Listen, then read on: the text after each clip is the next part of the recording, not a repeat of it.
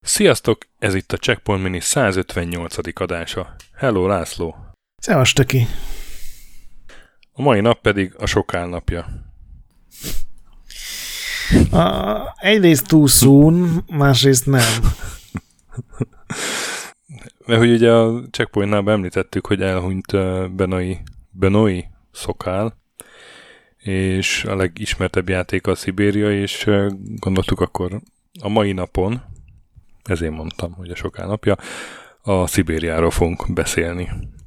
Meg még egy toplistát is hozzácsapunk az adáshoz.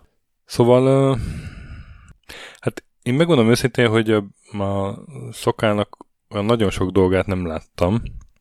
Egy-két képregénye azért a kezembe akadt így az évek során, meg, meg interneten nézegettem, követtem. A játékai közül pedig a, a Sibéria, az, annak, annak idején játszottam vele, de például az Amazonnal nem, ami az első játéka volt. De már így a Szibériával is úgy tűnt, hogy ő, ő ezt a, a Ceciles, uh, hogy hívják Cecil, milyen Cecil a, a Broken Sword? Jaj. Charles Cecil? Charles, igen.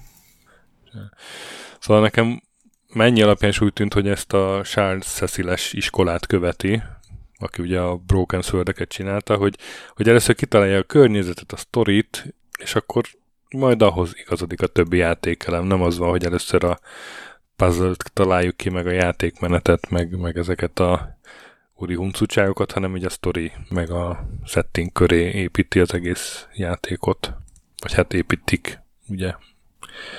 Igen, hát ugye ő úgy került... Mikroicnál, mert de ugye a ő úgy került bele ebbe az egészbe, ezt. hogy hogy megtetszett neki a, a Mist, meg ez az egész számítógépes kalandjátékos dolog, és akkor az egyik saját kalandjátéka, vagy saját képregényét, ezt az Amers, Lamerzont, ezt uh-huh. Meg akarta játékosítani, és így keresett egy fejlesztő csapatot, meg pár embert, akivel ezt meg tudta csinálni, és a, a Siberianál nem volt már ilyen, hogy legyen egy saját képregény, igen, és abból csinálok, de ott is, ahogy mondod, a a sztoriból lett először kész, és aztán ahhoz írt egy, vagy ahhoz rajzolt egy ilyen storyboardot, és aztán végül abból lett maga a játék. Valószínűleg ezért is, mint kalandjáték, az egyszerűbb, könnyebb játékok közé tartozik. Ezt sokan nagyon negatívunként hozták fel, amikor megjelent, szerintem ezzel azért nincs akkora baj. Nem, szerintem se. Tehát ha jó a sztori, akkor, akkor... És Hát az Amazon, azt aztán megnéztem, hogy nem, az, se, az nem kapott túl jó kritikákat, de... Én arra emlékszem, hogy itthon minden lap rengeteget foglalkozott vele, nem tudom, emlékszel de... Igen. Hogy nem. De a gurutól a PCX, még talán az 576 is, és mindenhol előzetes interjú, teszt, végigjátszás, valahogy az magyar sajtónban nagyon beragadt. Szerintem azért, mert gyönyörűen nézett ki, amikor megjelent. Igen, igen, igen, igen, igen.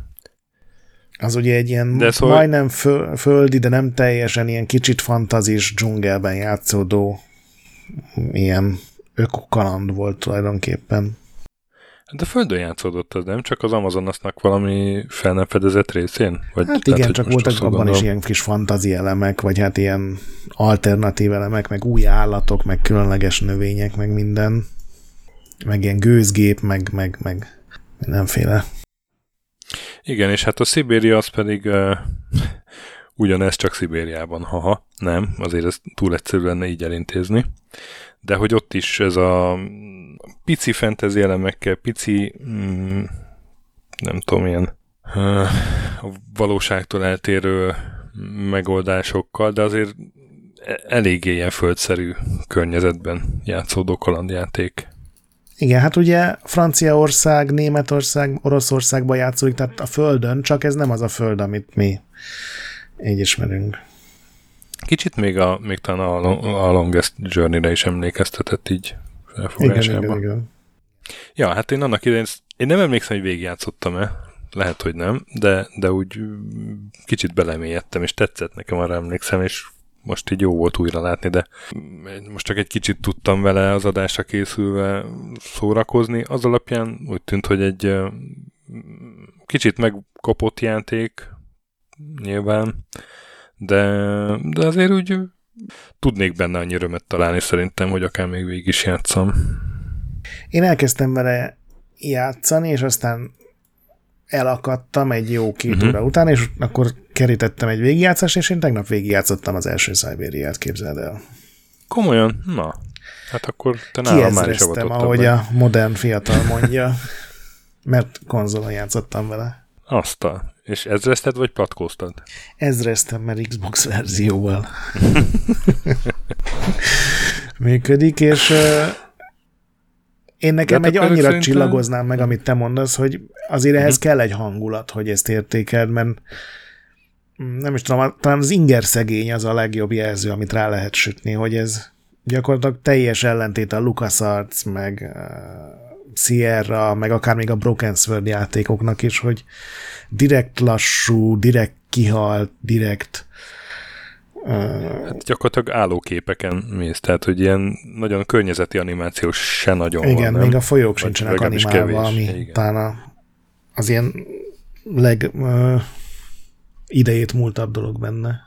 Hát ez már annak idején is design volt érezhetően, és ez, ezt, Persze. erre azt mondtuk, hogy meg kell szokni, és akkor jó van, játszhatsz vele. Hát erre én azt mondom ma, hogy, hogy van olyan hangulat, hogy ezt hajlandó vagyok megszokni, én, ami nyilván az ízléstől is teljesen függ, de hogy azért általában én szeretem, hogyha valahogy aktívabb.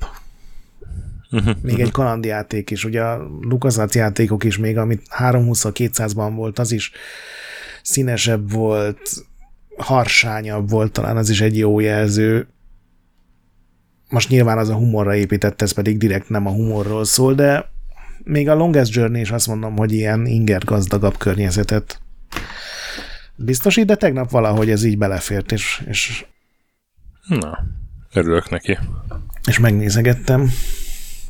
Még a fejlesztésről nem tudom, beszéljünk-e mielőtt a játékra kitérünk? Beszéljünk, persze, persze. Én nekem legnagyobb megdöbbenésemre az Amazon volt a hatalmas siker, és emiatt kapott két millió eurós büdzsét a Szokál úra következő tervére, meg 35 fős fejlesztő csapatot. Ugye az Amazon-t azt nagyon sokáig egy kétfős csapat csinálta, és csak utána vettek föl néhány másik embert, amikor uh-huh. kiderült, hogy ez így még egy évtizedig eltart. És a fejlesztő csapat Montrealban volt, a Szokál az Franciaország, ő ugye egy belga képregényrajzó, de Franciaországban uh-huh. élt ekkor már. Uh, havonta egy hetet töltött kint Kanadában, ugye a tényleges fejlesztőkkel, közben meg ilyen FTP-re töltögették föl neki mindig a rajzokat, meg az új verziókat, és ugye az egész, azt hiszem mindenki tudja, hogy a Siberia sorozat az ma három részből áll, és a negyedik az vagy idén, vagy jövőre jelenik meg. Igen, az készül. De hogy az első két rész az, az, az egy teljes játék, az lett volna az egész Siberia, csak rájöttek, hogy ez így négy évig tartott volna a fejlesztés, ami a szokál számára teljesen elfogadhatatlan volt, úgyhogy kettészették a játékot. De a Siberia 2 az abban a pillanatban kezdődik, ahogy az egynek vége van, és tök ugyanazt a sztorit viszi végig, tehát ez tulajdonképpen egy két részletre szedett játék, de valahogy ez akkor senki nem balhézott emiatt, vagy én nem emlékszem semmi negatívumra. Hát mennyire volt ez köztudott? Lehet, hogy ezt igazából senki nem tudta. Lehet, csak a, úgy meg a vége az egy elég furcsa vég. Nem, nem uh-huh. tudom, hogy mennyit akarunk spoilerezni, de Lóba gyakorlatilag így hát ne, úgy ne. van vége, hogy elindulnak a nagy küldetésre, vagy a nagy kalandra. És amit még találtam, amilyen érdekesség, hogy ez a sztori, ez ugye ez egész arról szól, hogy Franciaországból a főszereplő nő, ez a két Walker, ez mindenféle, ha úgy alakulnak a dolgok, hogy utazik kelet felé, ugye előbb-utóbb Szibériában köt ki, bár ez csak a második részben érjük el. Tehát az első részben nincs is még Szibéria, ami azért így fura. És ez onnan jött a, a, a szokálnak ez az ötlet, hogy a nagyapja, aki egy osztrák ilyen lovas tiszt volt, zsidóként a második világháború kitörése előtt, meg az, még az elején, a háború elején Ausztriából gyalog, meg lóháton, meg vonattal ment el, hogyha jól értettem, akkor Franciaországba tudott menekülni, és aztán onnan ki tudja, mi történt vele, de hogy ez a sztori volt az, ami megihlette ez az utazás így Európán keresztül, csak nyilván ő a másik irányba tette, hogy végül Szibériában kössön ki, de ugye az első hely, az a kisváros, az még Franciaország, aztán jön egy német egyetem, egy ilyen orosz iparváros, és aztán egy ilyen Szibéria melletti kis orosz nem is tudom, milyen település az. Mondtad már, hogy ez a két Walker nevű egy amerikai ügyvéd, a fő, főszereplő, akinek eh, ilyen céges ügyekben kell ellátogatni egy francia kisvárosba, és Strider hírjú és ügyvéd két. És ott... Hogy? Strider hírjú és ügyvéd két. Igen, ügyvéd két. és ott megtudja, hogy a, ennek a cég tulajdonosnak, tehát hogy a cég, akinek dolgozik, annak él a, a nemrég meghalt tulajdonosnak él a testvére. Őt kell felkutatni. Őt, őt kell felkutatni, igen, mert egészen addig azt hitték, azt hitték, hogy ő meghalt, és akkor tényleg szerint ő örökli a céget. Tehát ilyen nagyon ö, ö, nem is tudom, ilyen hétköznapi helyzet, ha belegondolsz. Igen, ilyen Tehát, bürokratikus egy gonosz, szar. Igen, nincs egy gonosz, aki felbukkant, nincs egy varázstárgy, semmi ilyesmi, mész. És emiatt kicsit azért úgy nehezen is indul, meg, meg, meg tényleg Nehéz törődni vele, vagy nehéz így érdeklődni, hogy... Oh, Igen, most, tényleg hangulat kell hozzá, hogy beleszokja ebbe, hogy, hogy itt most ez, ez lesz. Most komolyan egy céges adásvét, adásvételi szerződés aláírása miatt kergetjük az új tulajdonost keresztül Európán, ez olyan... En, ennél a legtöbb kalandjáték azért valami frappánsabb, vagy, vagy menőbb felütésre kezdődik, de itt szerintem pont erre szolgál, hogy a, a dögunalmas mindennapokból hogy vezet át a kicsit költőjébb, Igen, vagy elvontabb. Pontosan, pontosan. Tehát, hogy a, hogy a, ahogy mondod, azzal ér véget a játék, hogy, to, hogy tulajdonképpen kezdődik a nagy kaland, de a játék maga meg arról szól, hogy hogyan, é, hogyan épül ez fel, hogyan uh, jutunk el odáig. És, Igen, meg, hogy ebből a két igazából... hogy lesz sima ügyvéd ből egy ilyen, aki ott hagyja egy kalandér. Egy kalandor. A... Igen, igen, igen. És um, igazából ez, ez nem rossz, szerintem. Hogy úgy, úgy be tudja vonni a játékost, és aztán akkor meg már a folytatás az, az csúszik tovább. Szóval ebből is látszik, hogy ez a Szokál ez képregény rajzoló volt először, és utána Igen. csinált játékot, mert ugye képregényben egy ilyen lassú felvezetés az akár már a puszta látványjal is lenyűgöz, meg, meg ott valahogy ez szerintem sokkal jobban elfogadható, még egy játékban azért szerintem lesz, aki abba hagyja fél óra után, hogy ebbe semmi nem történik. Tehát én itt éreztem egy ilyen dolgot, most attól függetlenül, hogy itt azért később már történnek dolgok, csak talán túl lassan indul be. Igen, türelmesnek kell lenni. Hát ahogy amik, amiket mondtál, azokat tudom én is mondani. Mm, a, a, a látvány meg... Tehát az a fajta grafika, ami annak idején, amikor megjelent, akkor, akkor mindenki azt mondta rá, hogy ez gyönyörű, de hát most meg már azért kicsit uh, ilyen, ilyen, nem is tudom, mintha egy műanyagból fröccsöntötték volna kicsit, olyan a render, tudod? Igen, igen ebben tök igazad van, meg mondom, a, a víz nem mozog, ami ma már tök szokatlan, hogy a, tudod, a folyó is csak egy fotó, de még mindig jól néz ki nagyon sok helyen, de, meg még mindig de jól a, vannak kialakítva a tájak. Ezt akartam folytatni, igen, hogy, hogy, a, hogy az, hogy a, hogy a szokál egy ilyen valamennyire designeri szemmel nézte az egészet, olyan értelem, vizuális értelemben, tehát hogy, hogy nézzen ki jól, legyenek jó motivumok benne, amik, amik jól néznek ki papíron is, meg játékban is, azt szerintem felismerhető. Tehát, hogy igen, nem nagyon jó használ színeket. a Photoshopban. Igen, igen, igen, igen. Szóval, hogy nagyon van érezni benne egy ilyen tudatosságot. Igen.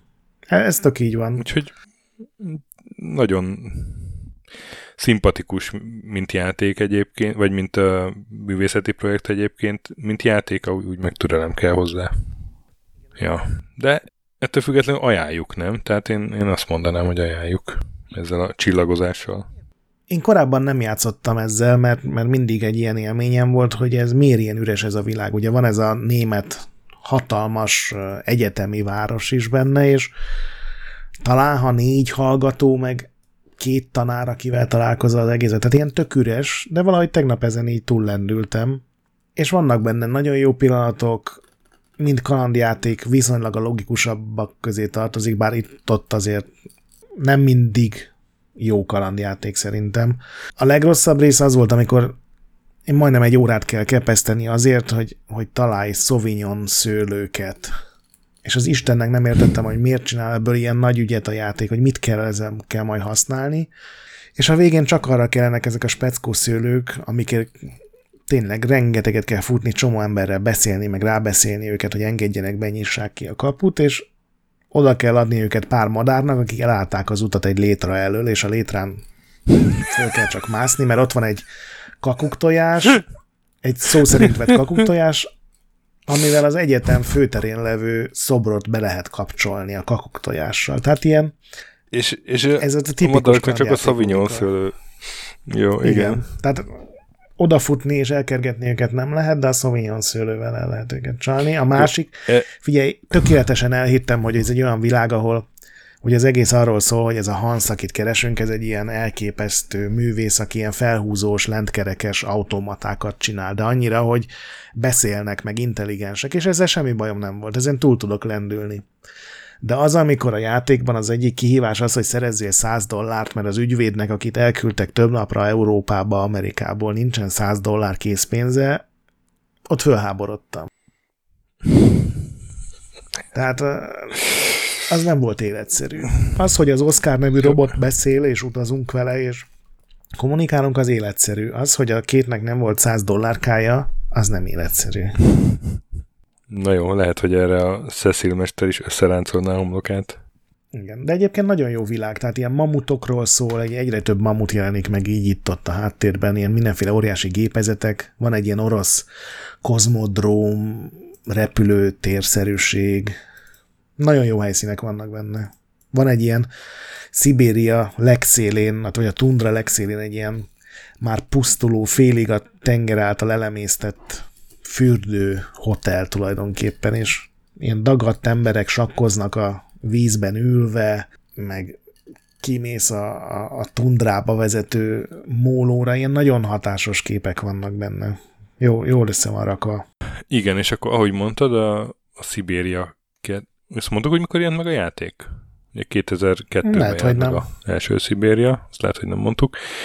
Igen, és akkor 2004-ben jelent meg a Siberia 2, ami folytatta a sztorit, és 2017-ben jelent meg a hármas rész, amiről sok mindent nem tudok. Megmondom őszintén. Nem, nem is kapott az jó kritikákat egyébként. Nem, a Siberia 2 az tulajdonképpen ugyanezt vitte tovább, tehát hogy két eljut ténylegesen Szibériába, és ott talál egy törzsöt, aki befogadja nagyjából, és akkor ugye a Szokál is azt nyilatkozta, hogy Siberia 3 soha nem lesz, de kétnek a története még akár folytatódhat is. Uh-huh. És akkor sok-sok-sok-sok évvel később megcsinálták a harmadik részt, amivel én nem játszottam, de ahogy mondod, minden azok, akik istenítették az egyet, meg a kettőt, hogy minden idők legjobb kalandjátékai között vannak, ilyen gyűlölettel teli kritikák tömegét mhm, írták uh-huh, meg. Általában semmi nem működik benne. Ott is Szibériában játszódik, és ott is két a főszereplő, de ott általában a sztori is borzalmas. Például van ez a törzs, aki ott ér Szibériában, és a, akik közé kétbe esik tulajdonképpen, és végé, tehát így a, folyamatosan a, az amerikai ügyvédnőnek kell kihúznia ezt a őslakos törzset a természeti gondokból, és ezáltal nagyon rosszul jön ki, de a szinkrontól a grafikáig, a puzzle a, a sztorig minden cittak benne. Úgyhogy most már ezért is kíváncsi vagyok, hogy ez hogy lehetett ennyire elbaltázni kicsit, vagy nagyon. És aztán ugye igen, nem a... bejelentették 2019-ben talán. Igen, igen, hogy készül a negyedik rész. Ö, és hát ennek a fejlesztések közben ö, halt meg a Szegény szokál. Igen, és ez ugye, ez a negyedik rész ez azért is érdekes, mert két sztorit akar elmesélni. Egy 1937-ben menekülnie kell a világháború meg a nácik elől, ugye, és 2004-ben meg két Walker eh, a tajgán szenved, és gondolom lesznek mindenféle kapcsolatok, meg vagy tematikus, vagy tényleges kapcsolatok a kettő között.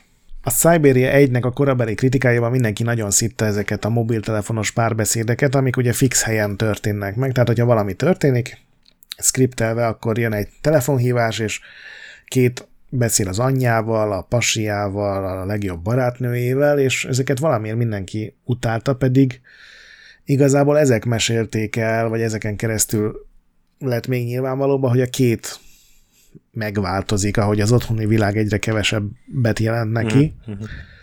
Nekem az volt ezzel a bajom, hogy, hogy gyakorlatilag az derült ki ezekből, hogy ez a két, ez mennyire egy szörnyű emberekkel vette körül magát ugye a múltban, vagy hát ebben a csak pár napja a múltjában, tehát ebben a másik eredeti világában. Az anyja egy ilyen elég anyagias némbernek tűnik, a, a pasia összefekszik a legjobb barátnőjével, a főnöke egy iszonyatos, türelmetlen féreg, tehát ilyen mindenki a régi világban egy ilyen rossz figura. Biztos azért, hogy könnyű legyen elengedni neki, nem? Igen, igen, valószínűleg.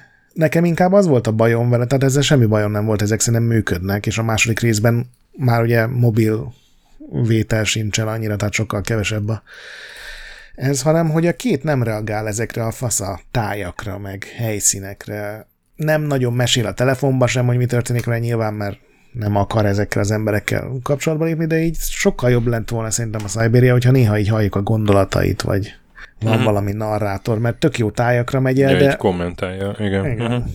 Főleg, hogy egy amerikai nem. nagyvárosi ügyvédről beszélünk. Igen, igen.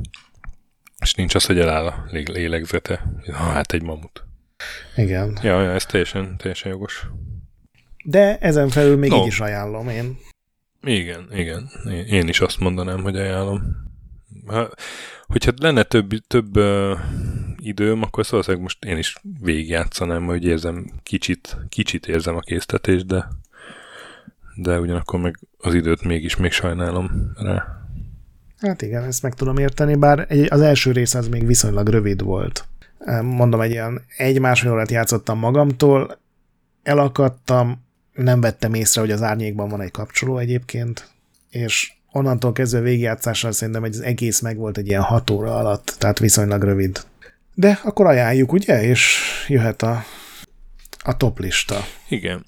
És hát jöhet a top lista, mert hogy gondoltam, hogy akkor volt egy ilyen, hogy legjobb német játékok toplistánk egyszer még régen, akkor legyen egy legjobb francia játékok is. Mert én azt gondoltam, hogy a Microids az egy francia cég, de most megütötte a fülemet, hogy te azt mondtad, hogy Montrealban volt a fejlesztés, az pedig... Igen, a Microids az, az francia cég, de valamiért Kanadában van, volt a legnagyobb fejlesztő csapatuk. Oh.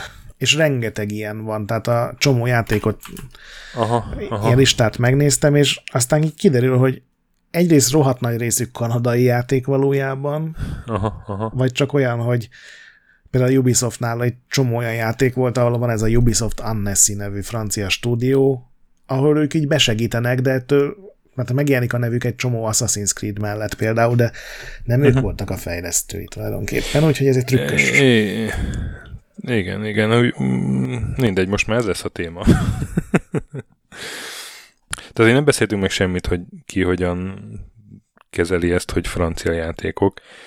Én azt gondoltam, hogy akik csinálják, azok legyenek franciák, tehát a fejlesztő stúdió legyen francia. És az, hogy, hogy kiadta ki a játékot, azt nem is néztem, hanem hogy, hogy franciák csinálták. És ugye a Ubisoftnál is ezért ne, nekem nincs benne se Assassin's Creed, se nem tudom. Nem, nem is ugyanígy, igen. Prince of Persia, mert hogy azok az ugye kanadai. Igen. És a Ubisoftnál még annyi, hogy a, a fő stúdió vettük, mert ugye a Ubisoftnál általában minden nagyobb játékon már 6-7 stúdió így összedolgozik, de a fő, igen, igen. akik dizájnolják, kitalálják a játékot, azt vettem. Az a Montpellier, vagy az melyik? Hát olyan vagy is van, később igen. Montpellier lett a neve? Mert az viszont francia.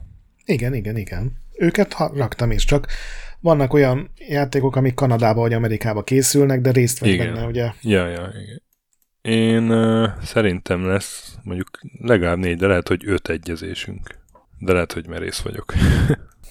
hát ha nagyon merész lennék, én hatot mondanék, de legyen öt akkor.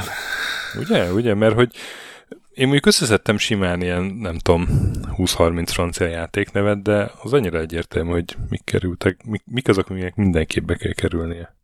Igen. Például a North and South-nak nem. Igen, az nincs benne. Akkor kezdte szokás hát szerint a tízessel. Kezdjem én. Képzeld el, a tizedik. Ajaj. nem, nem, teljesen francia játék, legalábbis remélem, mert a Wikipedia azt írta. De nem játszottam vele soha se. Oh. Visz, viszont láttam belőle nagyon sokat, és tátott szájjal ültem a YouTube előtt, hogy úristen, ezek mire képesek, és őrületesen jó kritikákat is kapott, és uh, egyszerűen egyre nagyobb tragédiának érzem, hogy az a műfaj, amit én, én nem, egyszerűen nem fekszik nekem, meg gépem sincs hozzá, tudod, Ó, itt, távolról csodálom, de így van, Microsoft Flight Simulator a tavaly megjelent, mert szerettem volna, ha legalább, legalább akkor egy ilyen listában a tizedik helyen földig hajolok előtte, mert elképesztő, amit a Asobó stúdió csinált, ugye, ők egy Igen. bordói fejlesztő cég. Úgyhogy Microsoft Flight Simulator annak ellenére, hogy semmit nem tudok róla elmondani, azon kívül, hogy úristen, hogy néz ki. Meg Ez hogy én is ugyanígy vagyok. én kaptam belőle egy kódot, így ajándékként, és nyilván elsőre én is azt gondoltam, hogy akkor megnézem, hogy hol lakom, de így, figyelj, én nem tudok repülni ezekkel. Nyilván nem segít, hogy csak egy Xbox kontroller van a PC-n dugva, és az valószínűleg nem a leghatékonyabb eszköz, de még, még, még azt a 20 kilométert vagy 30-at sem sikerült a Ferihegytől Pilis Csabáig megtennem. De az tény, hogy mocsok durván néz ki, és, és, és főleg amikor a felhőkön át, tehát ilyen eszelősen jól néz ki, kell az elhivatottság. Én emiatt nem raktam be, de teljesen igen megérdemelt helye van. Na, és nálad a tízes? Nem, a tízes az nem ennyire lenyűgöző, mondjuk így finoman. Ez a Titus Interaktívnak a prehisztorik sorozata.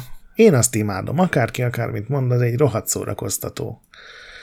Na jó. Seggegyszerű. Ugye arról csináltunk minit. Igen, és szerintem én ott is elmondtam, hogy lehet, hogy rohadt egyszerű, de én ezt imádtam, nem tudom, 12 évesen, és én még ma is elcsapógatok az a két frémes animációval. Ez egy jó, jó dolog.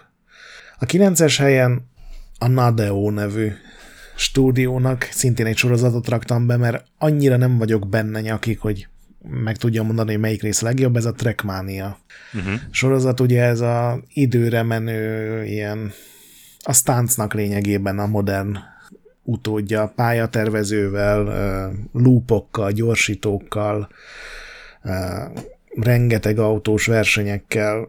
Nem feltétlenül tartom a lépést minden egyes epizóddal, de, de néha jól esik egy ilyen egyszerű autós játékkal, és nyilván aki rekordokra megy, annak nem egyszerű, mert múltkor láttam a Youtube-on egy videót, ami arról szólt, hogy az egyik pályán hogy sikerült megdönteni a rekordot évről évre, és vannak elszánt emberek. Én ennyire nem, de a Trackmania mm-hmm. szórakoztató így is.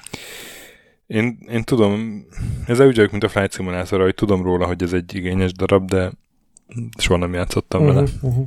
Úgyhogy nem, nem, ez nem lesz. És a prehisztorik sem lesz, ha már itt tartunk. Igen, azt gondoltam. Mert szerint, szerintem abban az adásban ugye én kutyáztam, te meg mondtad, hogy hát ez egy tök jó játék. Na most egy olyan játék jön, amire szintén volt mini, és ott fordított volt a felállás. Úgy emlékszem, hogy te kutyáztad, én meg mondtam, hogy de hát ez egy tök jó játék.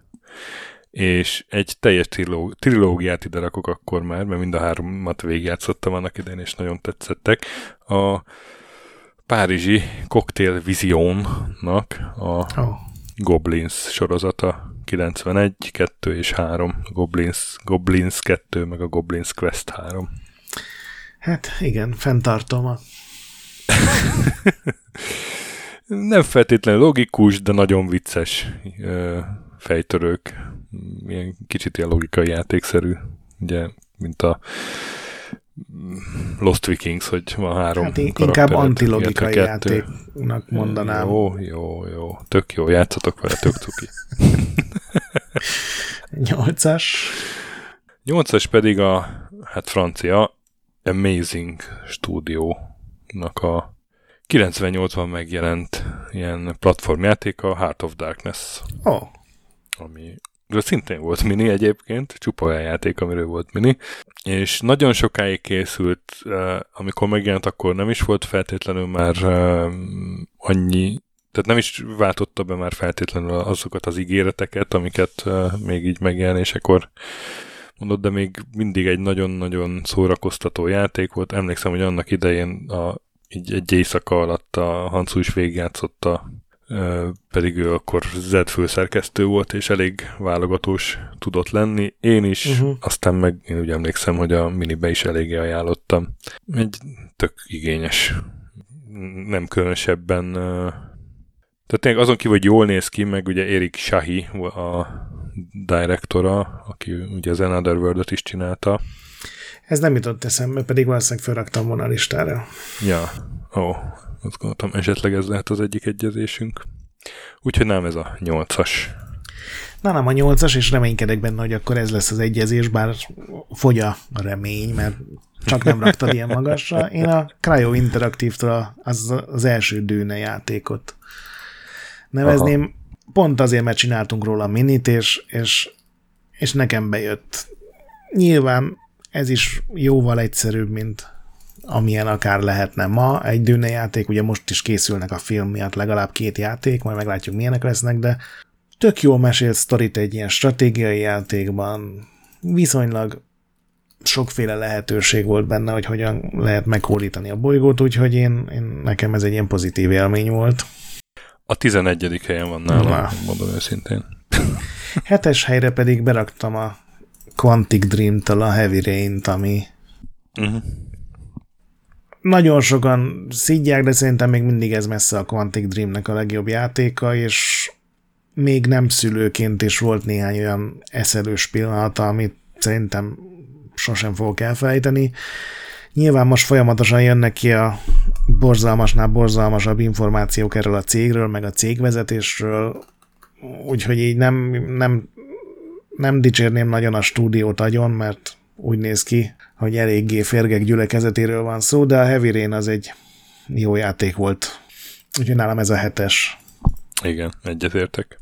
Nálam a hetes, hát itt ez egy Ubisoft játék, és két stúdió is dolgozott rajta, és az egyik a francia, Montpellier, viszont a, szerintem a, a fejlesztés fő része is ott ment, meg maga a főfejlesztő, a Michel Ansel is francia, uh-huh.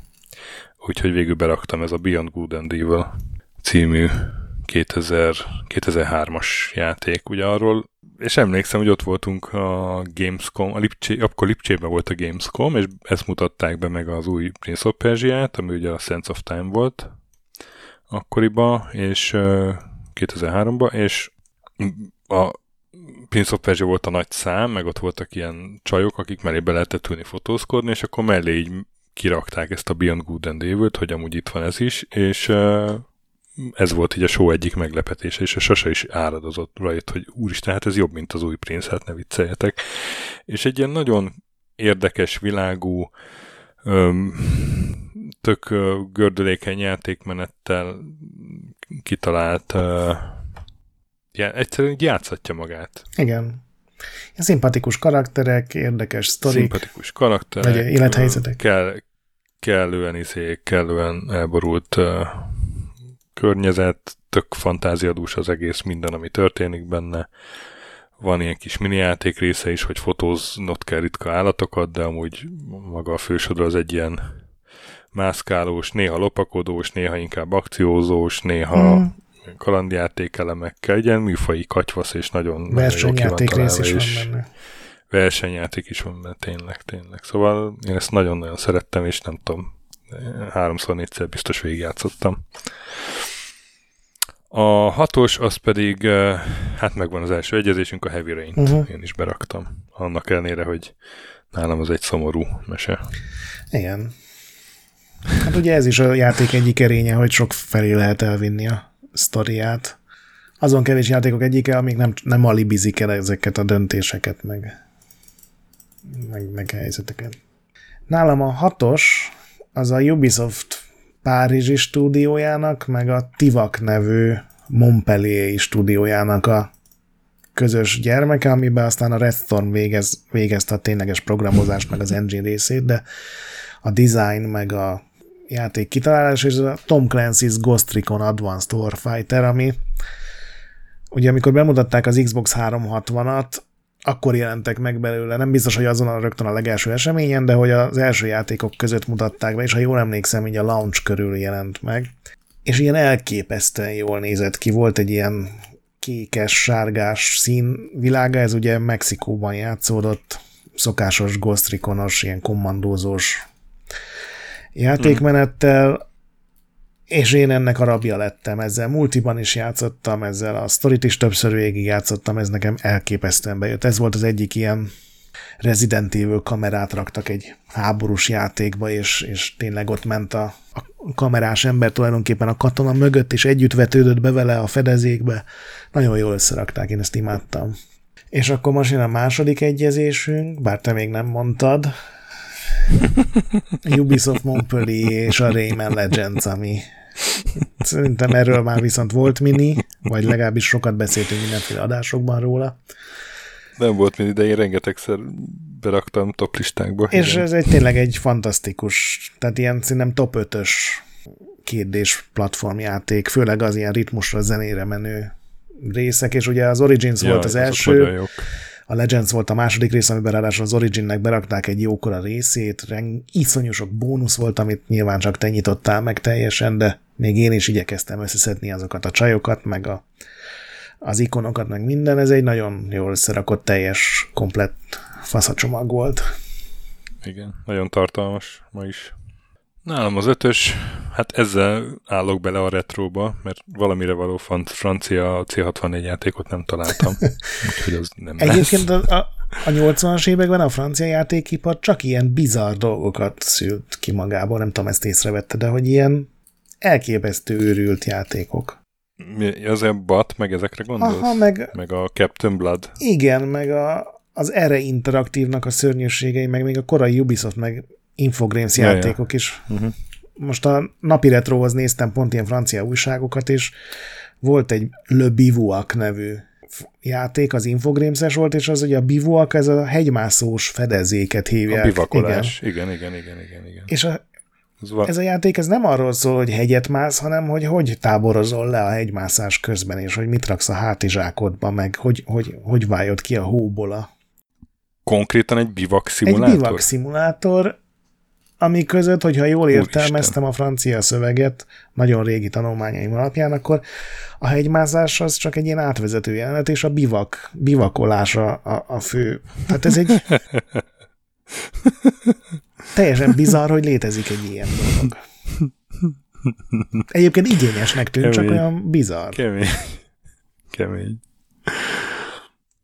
Na, szóval, tehát amivel beleállok a retróba, az a Alone in the Dark, oh. ami ugye 92-es játék. Én, én azt hiszem, az, majd, talán a legutolsóval nem, de úgy egyébként a, a legtöbb Alone in the dark játszottam, meg a legtöbbet végig is játszottam. Nekem csak az első a kedvencem, hiába a rettenetes irányítás, meg, meg nem találd el a zombit, ahogy hadakozol vele, meg borzalmasan mm-hmm. kezdetlegesek a, a poligonok.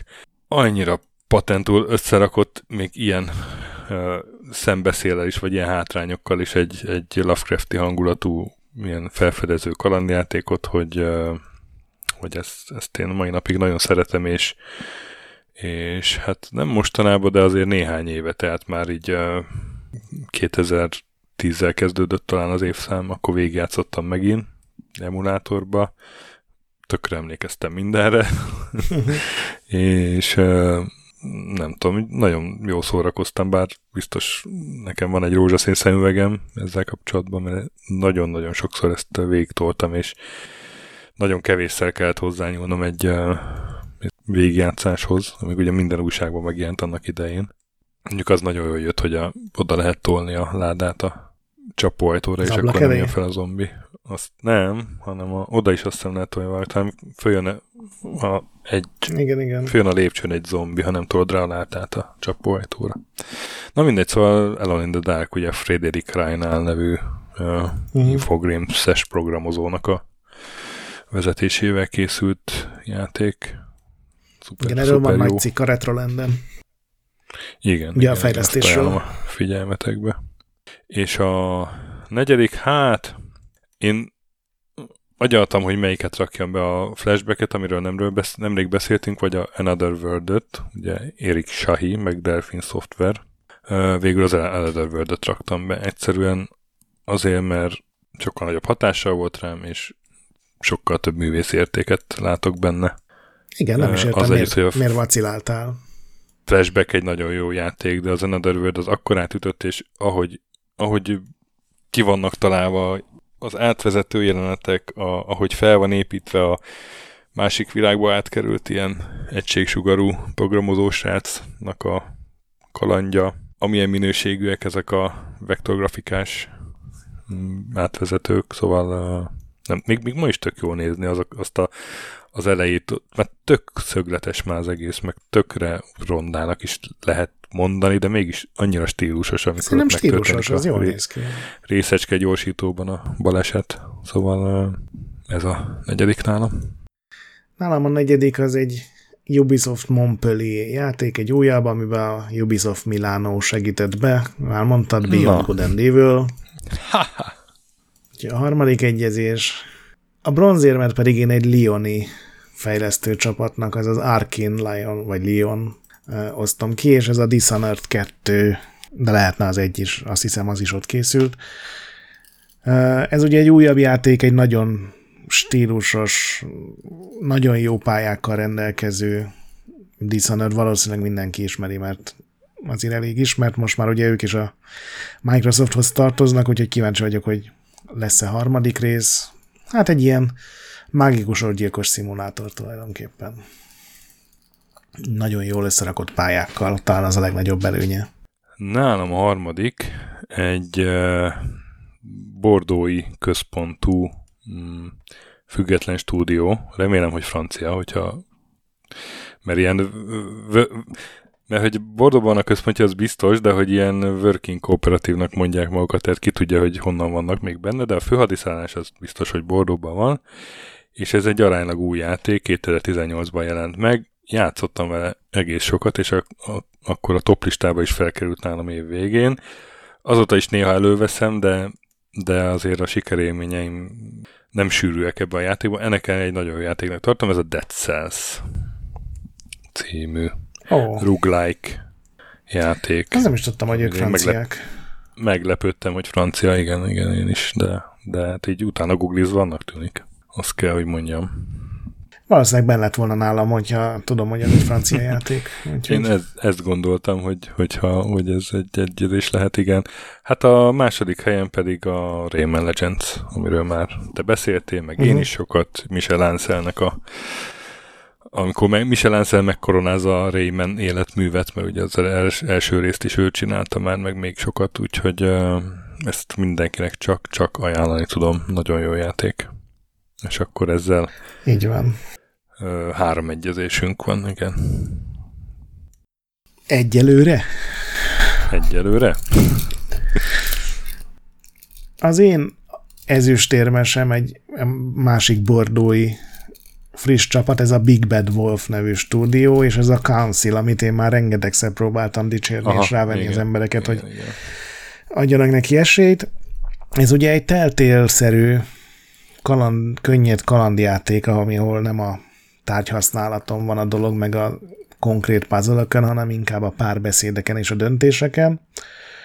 Csak ez ugye meg van bolondítva egy nagyon jól kitalált, viszonylag enyhe, de a játékra mégiscsak nagyon kiható ilyen RPG vonallal, tehát tényleg fejlődnek a skillek, szintet lépsz, és mindez bele van helyezve egy teljesen bolond világba, ahol a 18. század legfontosabb figurái gyűlnek össze egy francia kastélyban, és gyilkosságok történnek, és gyakorlatilag ki kell nyomozni, meg nem árt életben maradni, és baromi jól működik. Szerintem ez tényleg mindenkinek csak ajánlani tudom.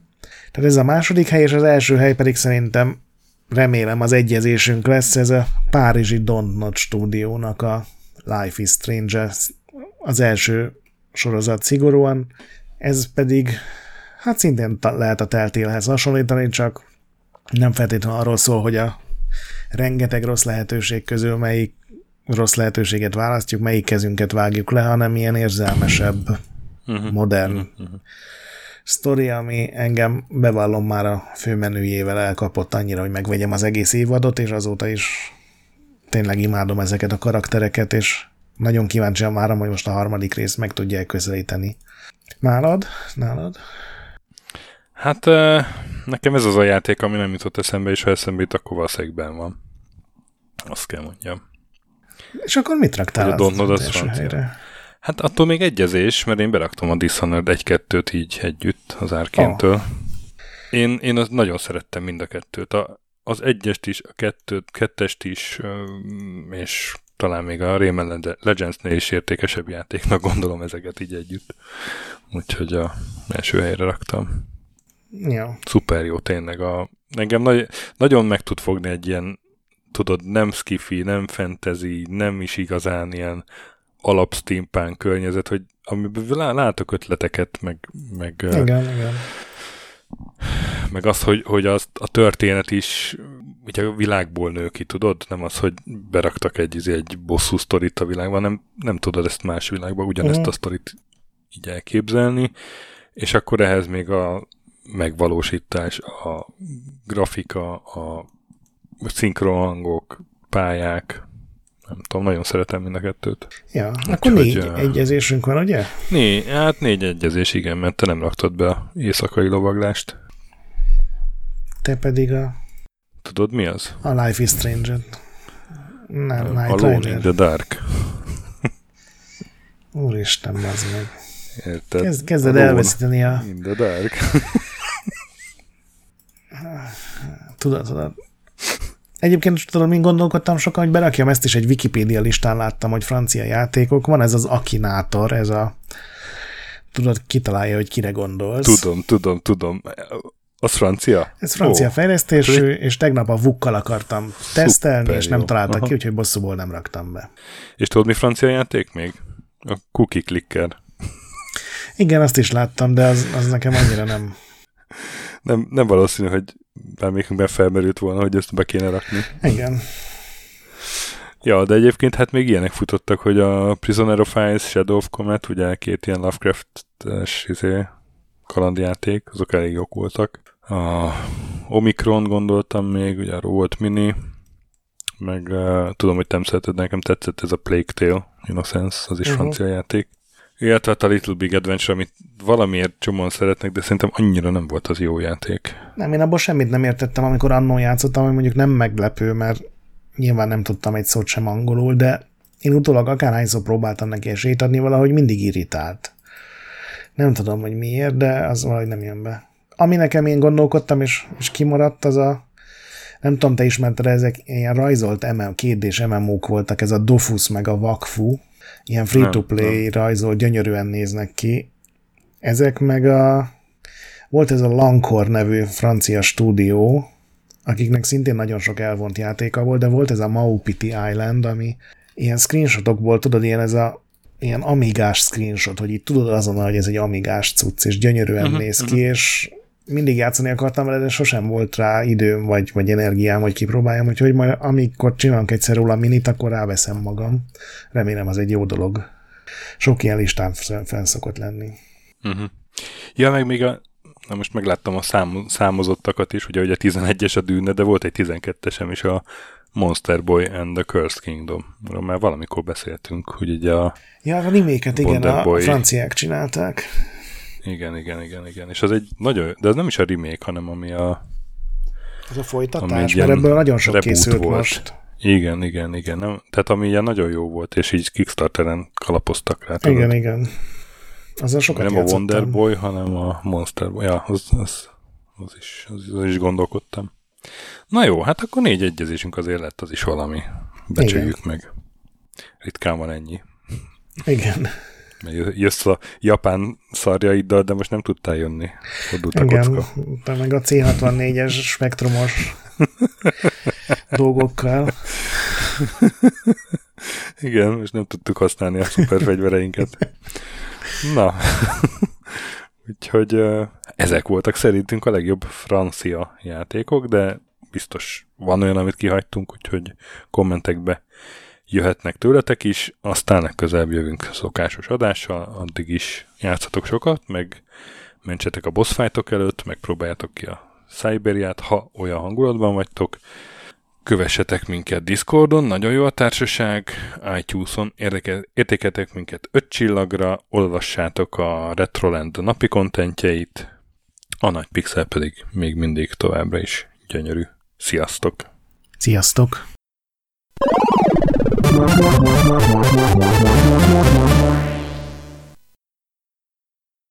Köszönjük a segítséget és az adományokat támogatóinknak, különösen nekik. Andis 1, 2, 3, 4, 5, 6, Pumukli, Bastiano Coimbra de la Coroniai az Védó, Kis András, Dester, Joda, Kínai, Gatz, Hanan, Zsó, Takkerbá, Flanker, Dances with Chickens, Gabez McCollish, Hardy, Sir Archibald a Réten, Módi, Rozmi, Fábián Ákos, Nobit, Sogi, Siz, CVD, Tibiur, Titus, Bert, Kopescu, Krisz, Ferenc, Colorblind, Joff, Edem, Kövesi József, Varjagos, Arathor, Zsiga Bálint, Lőrinc János, Hollosi Dániel, Balázs, Zobor, Csiki, Suvap, Kertész Péter, Richard V, Melkor 78, Nyau, Snake Hills Boy, Vitéz Miklós, Huszti András, Vaut 51 Gamer Bar, Péter, Daev, N. Caitlin, Márton úr, Csalazoli, Veszti, Makai Péter, Kviha, Mazi, Tryman, Magyar Kristóf, FT, Krit 23, Invi, Kuruc Ádám, Jedi, Harvester Marc, Igor, Kongfan, Pixelever, Oprüke, Esring, Szaszamester, Kopasz Nagyhajú, Kecskés János, MacMiger, Dvorski Dániel, Maz, Mr. Corley, Nagy Gyula, Gergely B., Sakali, Sorel, Naturlecsó, Devencs, Kaktusz, Tom, Jed, Apai Márton, Balcó, Alagi úr, Judgebred, László, Kurunci Gábor, Opat, Jani bácsi, Dabrowski Ádám, Gévas, Zabolik, Kákris, Alternisztom, Logan, Hédi, Tomiszt, Att, Gyuri, Kevin Hun, Zobug, Balog Tamás, Enlászló, Gombos Márk, Valisz, Tomek G, Hekkés Lángos, Szati, Rudimester, Sancho Musax, Elektronikus Bárány, Nand, Valand, Jancsa, Burgerpápa Jani, Arzenik, Deadlock, Csédani, Hídnyugatra Podcast, Lavkó Maruni, Makkos,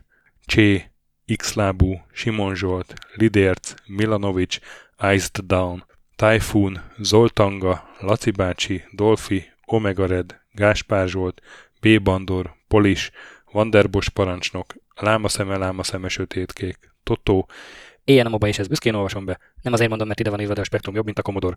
Holdcore, Dwarf, Kemi 242, Epic Lever szerepjátékos magas kultúra mindenkinek, valaki, Hosszú Peti, Obert Motz, Szekmen, Horváth Zoltán, LB, Ermint Ervin, Agaman, TR Blaze, Nyek, Emelem a Tét, Házbú, Vidra, Jaga, Pázmándi Bálint, Kaptás András és Elmeszi Dávid.